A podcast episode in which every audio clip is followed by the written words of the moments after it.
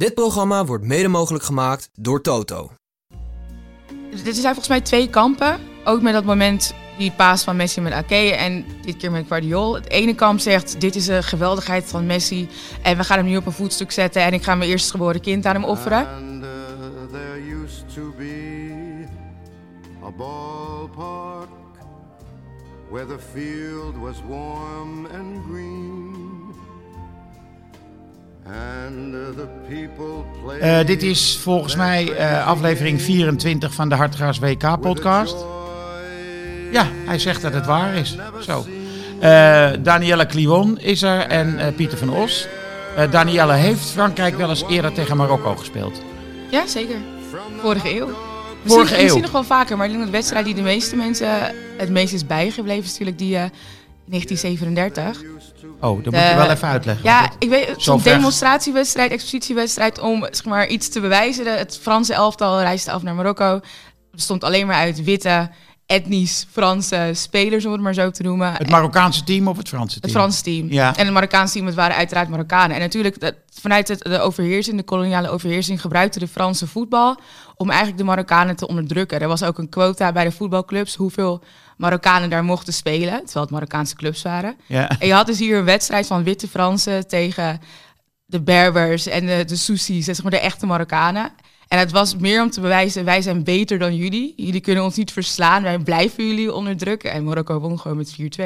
Oh, dat liep verkeerd af. Dat die voor de Fransen verkeerd af, maar voor de Marokkanen heel goed. Ja. Ik denk dat je dat ook nog steeds terugziet in het hedendaagse voetbal in Marokko. Het, het professionele voetbal, hoe dat gestructureerd is. Ik weet niet, je hebt eh Rajat Club Atletiek. Dat is een, eh, een voetbalclub in Casablanca. En zij hebben een clublied, Verbladi Dalmouni. En dat is eigenlijk een strijdlied. Het betekent grof vertaald, onderdrukt door mijn land. En ze verzet zich eigenlijk tegen de regering en de bureaucratie en de onderdrukking. En dat is gewoon meegekomen vanuit die tijd onder de Fransen. De ultra's hebben het voetbal zich eigen gemaakt om zich te verzetten tegen overheersing. Of dat nou door hun eigen regering is, door hun eigen koning of door een vreemde macht zoals toen in de 19e Maakt niet uit. Dit is 20e een uiting van anarchisme. Juist. Ja. ja, er stond wel een aardig stuk vanmorgen in de Volkskrant. Waarin eh, werd betoogd dat eh, de infrastructuur van de maatschappij nog altijd op Franse leest is geschoeid, et cetera, et cetera. Ehm, ja, het is, het, eh, het is altijd hetzelfde met die koloniën natuurlijk. Eh, in, de, in de laatste hartgras, ehm, met als kop voetballand Qatar, enigszins ironisch uiteraard. Moet je altijd tegenwoordig wel uitleggen, ironie. Ehm eh, staat een verhaal van Lotfi El Hamidi. Dat gaat over Benzema en eh, Zidane. Zidane. Twee Algerijns, van oorsprong Algerijns. eh, Berbers ook. en Berbers, hè? Ja, want dat, Ber- dat Berberland dat loopt gewoon door van het ene naar het andere land. Ja. Ehm, en daarin is hetzelfde eh, gebeurd. 1961 een soort van demonstratie van Algerijnen tegen ehm, de Franse overheid. Eh, dat was een vakbondskwestie, geloof ik. Ik weet niet helemaal zeker. Maar in ieder geval, er vielen 200 doden. Dus ehm, ook als Algerije tegen Frankrijk speelt, is er altijd een koloniaal aspect. En eh, dat zien we, eh, dat zien we vanavond natuurlijk weer. Eh, dat verhaal is van Lotfi El Hamidi. Eh, dat is een collega van jou bij de NRC. Ja, ja. Die is waarschijnlijk nu heel erg druk bezig met Marokko. Ja, absoluut. Ik hoorde van eh, zijn collega, of eigenlijk zijn chef, die zegt, ja, in het begin gaf hij nog een soort van smoesjes als Marokko speelde. Ja. Die chef die houdt niet van voetbal, die, maar, die, maar zelfs die begon door te krijgen. Dus Lotfi zei, ja, sorry, ik kan ja, niet. ik moet mijn kind halen, Ja. of ik moet dit of dat. Maar inmiddels is helemaal duidelijk, ook via Twitter en enzovoort, dat Lotfi is natuurlijk in een andere wereld nu. Ja. En gisteren kwam, liep ik hem even tegen het lijf op de krantenredactie. En hij... ehm, we hadden het natuurlijk even over Marokko en over deze dingen. Ik ben vooral heel erg opgewonden, want ik was eigenlijk voor Ghana dit toernooi. Ik dacht, Ghana gaat winnen, beweerde ik ook hier in een eh, uitzending. Nou, Ja. dat is natuurlijk belachelijk gebleken. Slechte voorspelling.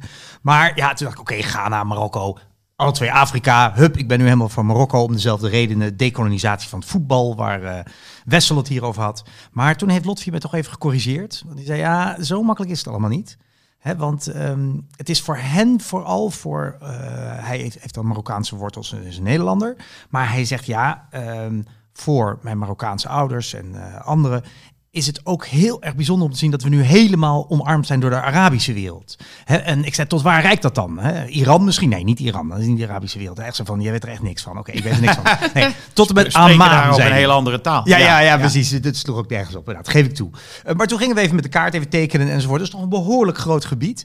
En, zei, en eh, ik zei, ja, maar Afrika toch ook, joh. Het is ook vanavond Afrika. Zei ja, lastig. Ik denk ook dat heel veel Afrikanen loyaliteit naar dat Franse team voelen. Omdat daar dus zoveel ehm, spelers eh, in zitten met wortels uit de Franse koloniën in Sub-Sahara-Afrika. Ja, Hè, Dus, niet de eh, Arabische wereld. ja, de niet-Arabische wereld. Dus hij vroeg zich, hij wist niet zeker of dat niet vooral onze blik was. Ja, maar op, Walid, eh, er- de achternaam die we volgens mij alle drie niet kunnen uitspreken, Regra- ah, de, de coach. Hè? Ja. de coach, die benadrukt wel steeds in zijn persconferentie dat het niet alleen gaat om de Arabische wereld, maar dat ze het hele Afrikaanse continent representeren, want ze zijn Afrikaans. Dat, dat doet hij inderdaad de hele tijd. Dat viel mij ook op. Maar dat, is, En, nou, dat vind ik wel logisch dat hij dat ja. doet, want dan bindt hij gewoon meer landen aan zich. ja. Eh, En, en, en hij zegt iets, we zijn hier om, dat is een citaat van deze eh, coach, we zijn hier om de mentaliteit te veranderen, weg met de gevoelens van inferioriteit.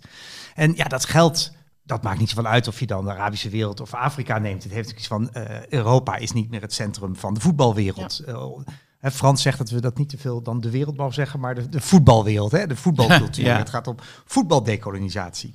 Dus ja, ehm, het is wel daarom vanavond, eh, ook daarom super spannend. Maar het is, eh, ik vind het wel grappig dat ehm, dit toernooi, ik vind het dus een heel erg, ja Willem Visser schreef vanochtend, het is een waardeloos toernooi, want er wordt er verdedigend gevoetbald.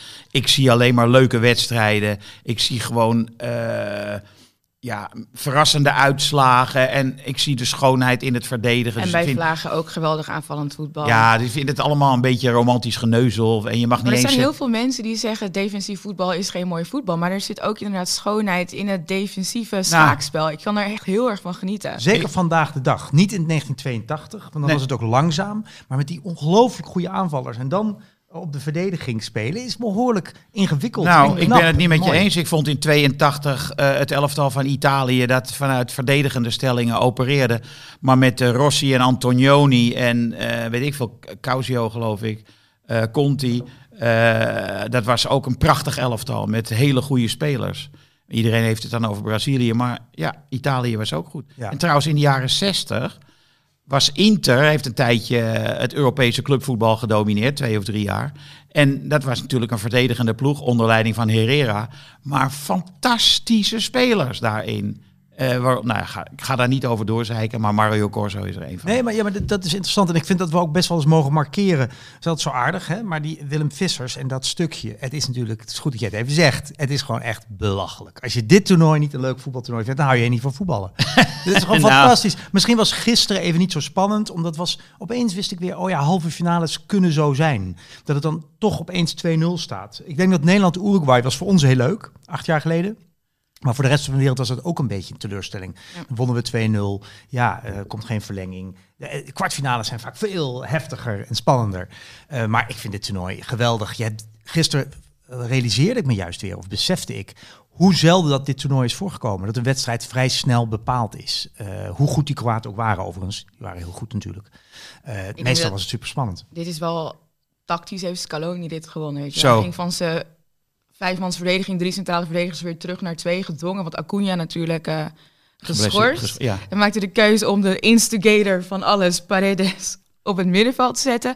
Wetende van Kroatië heeft waarschijnlijk het sterkste internationale middenveld op dit moment. Ook als het Modric is 37, eh Brozovic is 30 en dan hebben we Kovacic. die is- ja. die is tw- 28, dus op zich gemiddeld zijn ze niet de jongste meer, maar zij zijn zo controlerend. Zij vertragen zo mooi het spel. Dat, het is heerlijk om naar te kijken. Dan maak je die keus om eigenlijk toch het, het meer weg te geven achter, op je vleugelaanvallers te gaan rekenen, je backs die opkomen en er gewoon een middenvelder bij te zetten om dat te bestrijden. En het werkt.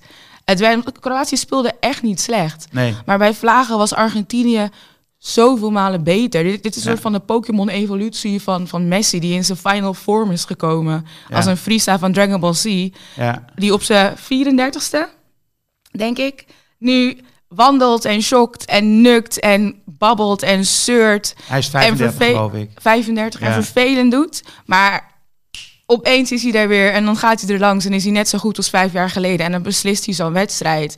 En die wisselwerking tussen hem en eh Julian Alvarez, Alvarez, ja.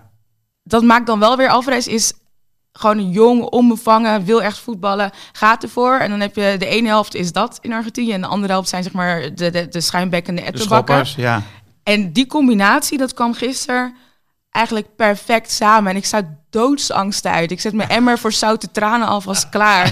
voor als Voor vanavond, of voor eh, zondag. Ja, als ze wereldkampioen worden. Oh Ja. mijn god. Maar En dat is bijna, begrijp ik, dat je, daarom ben je misschien vanavond ook niet helemaal voor Marokko. Omdat je denkt, die Fransen die kunnen die Argentijnen nog verslaan. Ja, maar dat is ook is een hele on- onlogische gedachte. Want ze hebben natuurlijk gewoon Portugal gepakt. Dus ze hebben Spanje, volgens mij, Ja, ja, verslagen. zeker, zeker, Ze hebben eigenlijk de Belgen België, uitgeschakeld. Kroatië. Kroatië was wel een saaie wedstrijd, Marokko-Kroatië. Dat was wel een van de mindere, maar ze doen het altijd beter dan je verwacht. Wat je denkt, dat kunnen ze niet, dat doen ze toch. Dus in principe kunnen zij ook gewoon van Argentinië winnen. Frankrijk heeft wel eens een slechte dag tegen mindere landen. Hè? Dat, dat komt voor. Ja, Dus eh, ik ben er ook niet helemaal gerust op, wel een beetje.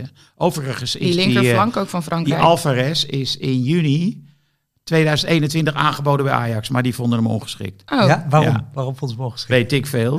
Gewoon niet goed genoeg. Zo kan je je heel wat dingen afvragen bij het transferbeleid daar. Nou ja, maar de anyway. vraag is nu ook, wat gaat hij doen bij City? Want hij is natuurlijk in januari gekocht. Wel weer bij River Plate gebleven op eh, huurbasis. Nu is hij echt bij City. Want het is, het is een afmaker. Ja. En ze hebben natuurlijk Het is al... geen combinatiespeler. Nee, en ze hebben al de beste Haaland. spits. Ja. Ja, Dus wat nu?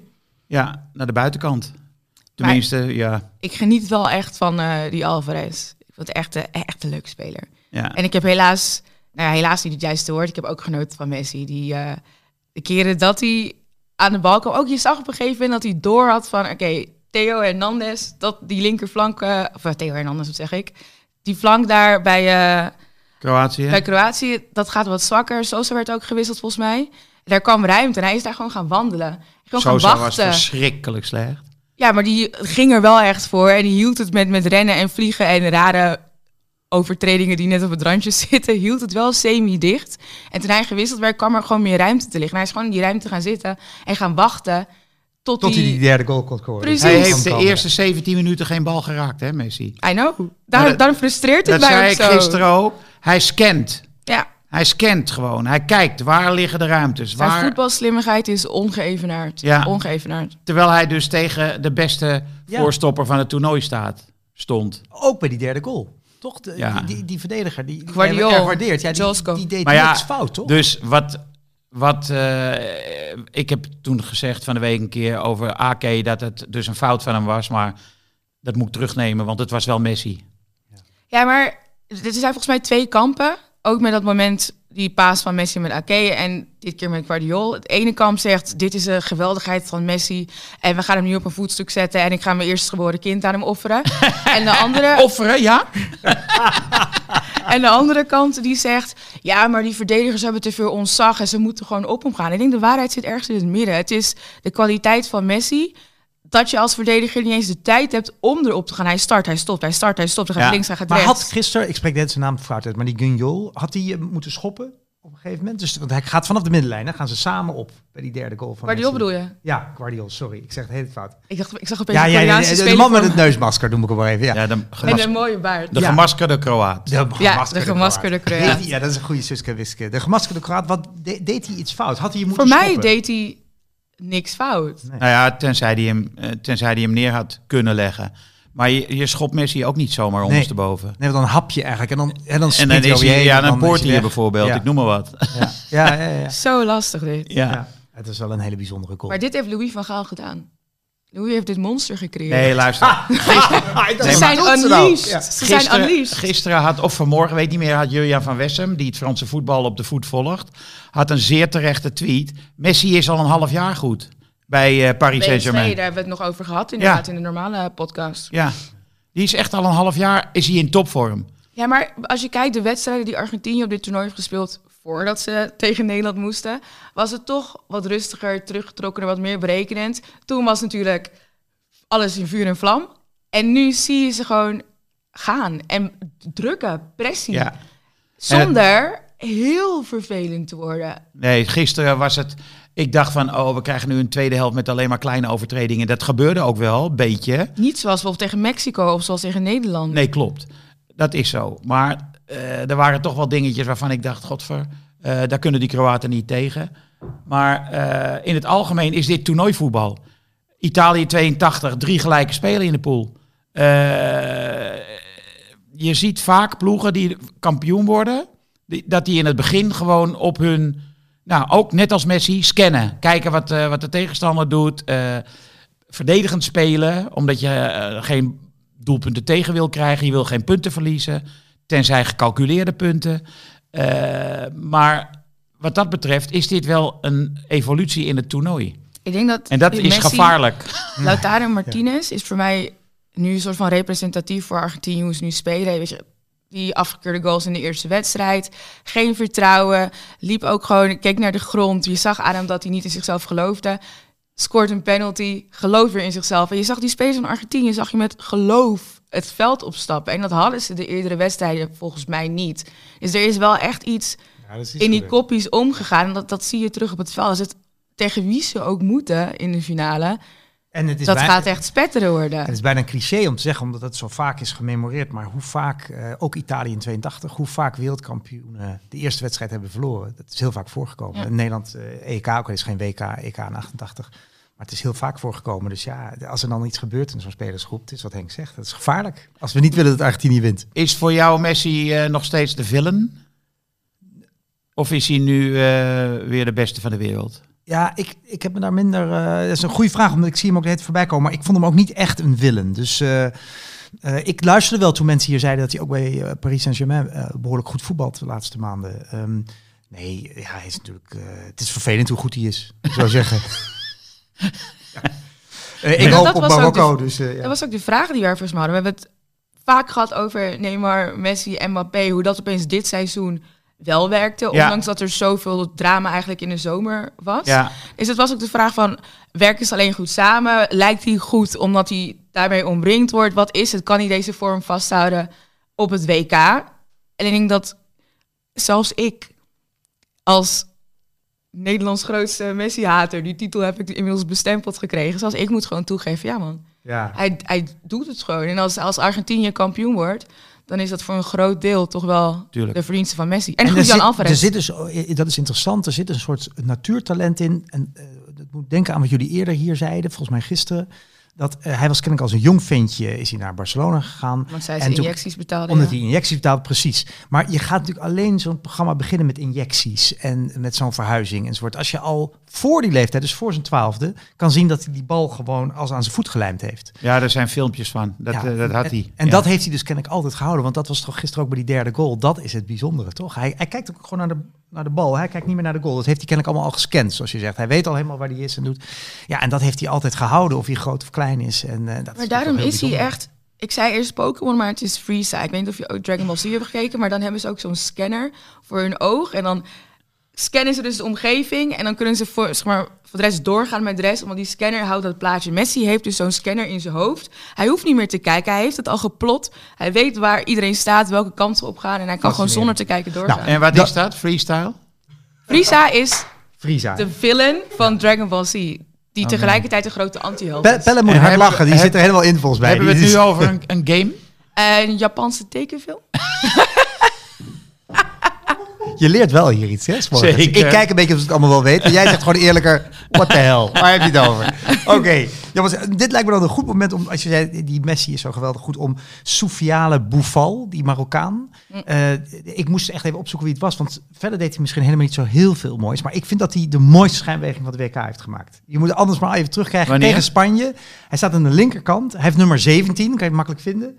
En eh, mijn dochter is nu aan het oefenen in de huiskamer. Ja. De En die, ja, ja, en die, die eh, weet een Spanjaard tussen de luren in te leggen, zodat die Spanjaard echt uitglijdt. Hè, dat is lekker. Hè, dus, eh, hij gaat eerst die kant op, hij gaat eerst naar, naar voren, dan gaat hij weer naar achteren, dan gaat hij nog een keer naar voren, naar achteren en naar voren. En die Spanjaard ligt op de grond en die is hij helemaal kwijt. Oké, er komt verder niks uit. maar het is zo'n mooie schijnbeweging. Ik dacht, dat moeten we toch even, die, die hebben we gemist hier. Die moeten we even noemen. Daar moet hier even Eh, een filmpje van zoeken inderdaad. Ja, ik, ik zal het filmpje zoeken, uh, Pelle, en dan hebben we iets voor ons Twitter-account. Ja, ik zal hem rondsturen. Nou ja, en ehm, hoe wie waren er nog meer goed bij Argentinië?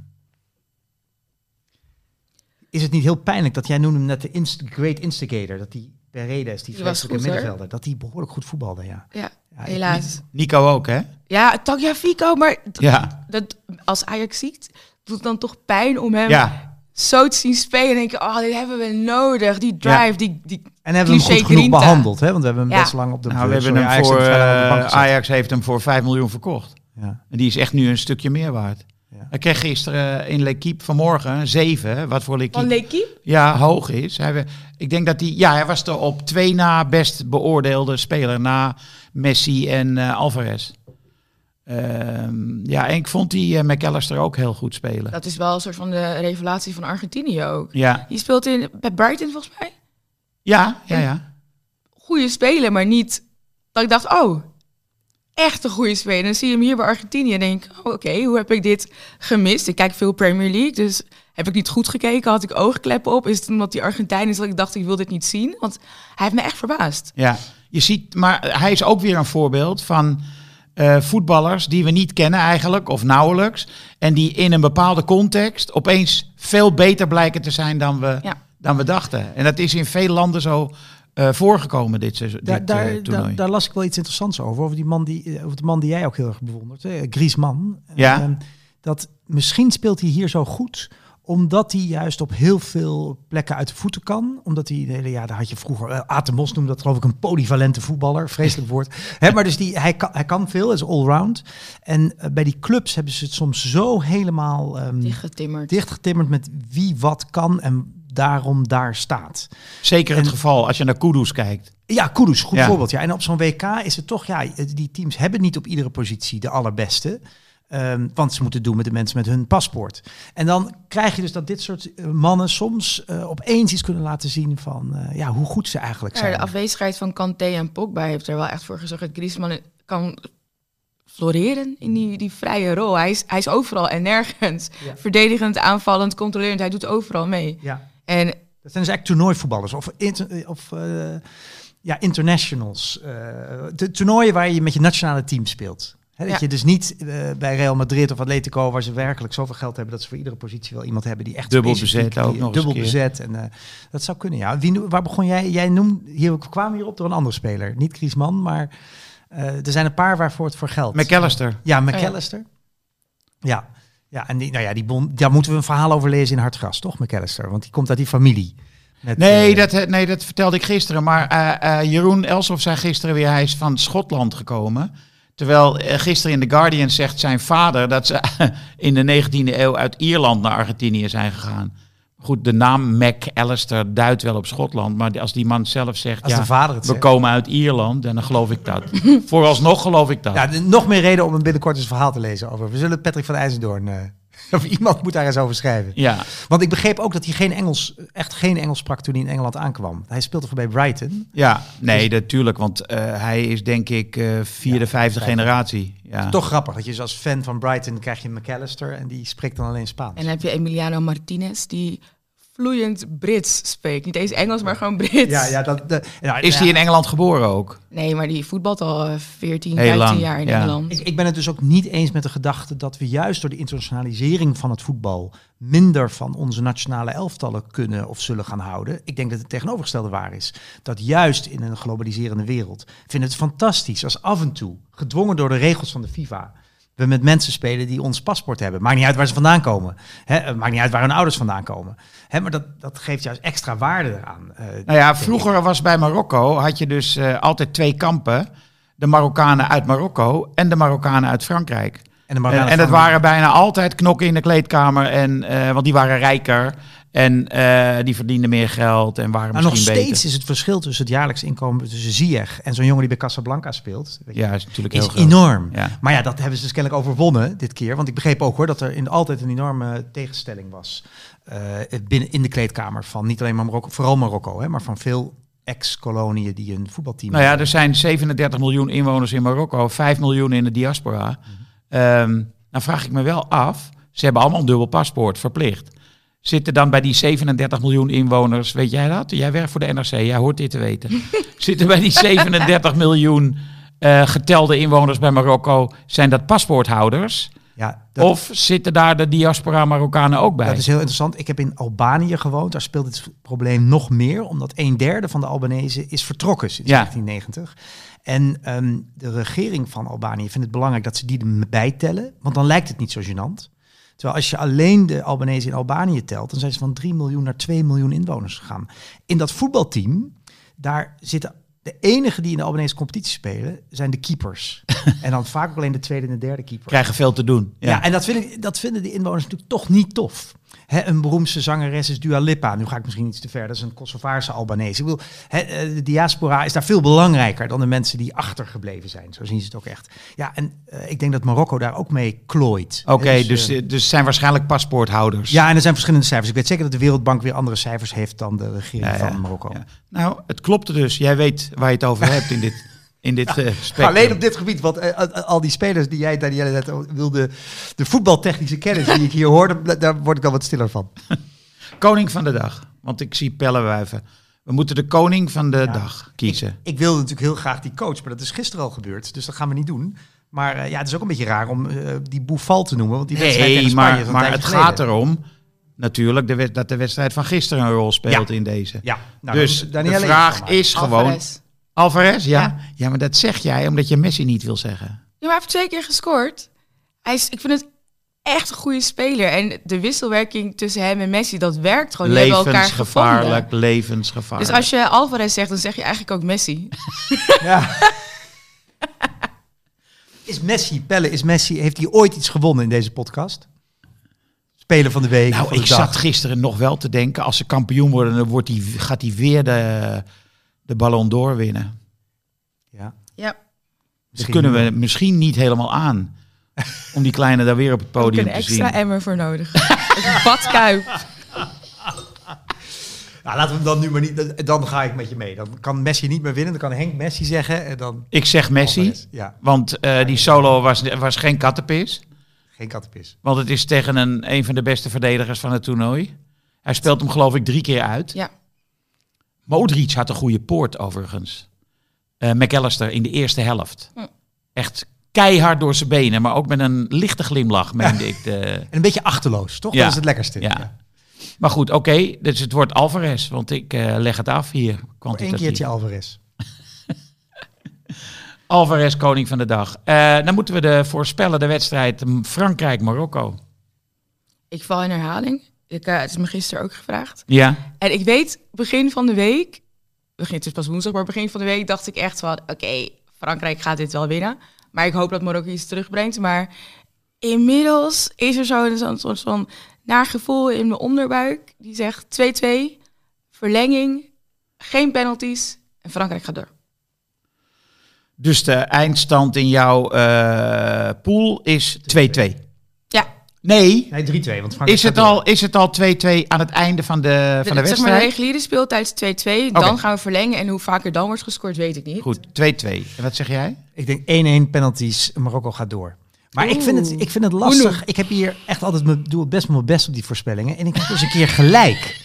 En toen vond ik het heel moeilijk. Ik dacht, wat gebeurt er dan? En ik, wil, ik wilde Henk eigenlijk appen. Ik dacht, ja, die, die, die kan ik toch niet lastig vallen. Had je een keer gelijk? Ik had een keer gelijk. Wanneer? Oh ja? Dat was 2-1. Ik heb toen Pelle uiteindelijk een mailtje gestuurd. Eh, en Pelle, krijg ik nu ook iets? En zei Pelle alleen maar zo'n beetje sarcastisch. Je had gelijk, hè?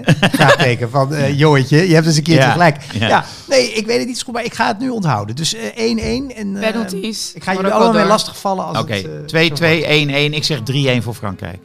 Zo. En, en de doelpunten, want daar, daar heb je altijd een idee over. Eh, Mbappé scoort één keer. En eh Griezmann scoort... Ik denk, hij heeft nog niet gescoord, hè? Die gaat zijn eerste goal maken dan. Hm. En Giroud natuurlijk. Dus... eh, Dat wordt het. Nou, en met deze eh, enigszins optimistische voorspelling mijnerzijds sluiten we nu af en gaan we morgen hierover verder praten. Yes, there used to be ballpark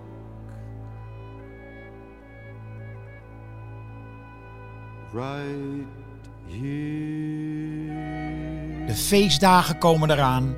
De tijd van de cadeaus is aangebroken. Neem een probeerabonnement op Hartgras. Twee nummers voor 17,50. Neem een jaar abonnement op Hartgras. Dat kost slechts 41,50 voor zes nummers. En je kan ook nog eens een keer een digitaal abonnement nemen voor 25 euro per jaar. Het hele gezin kan mee profiteren. Ga naar hartgras.nl en druk op één knop en je bent abonnee. Dit programma werd mede mogelijk gemaakt door Toto.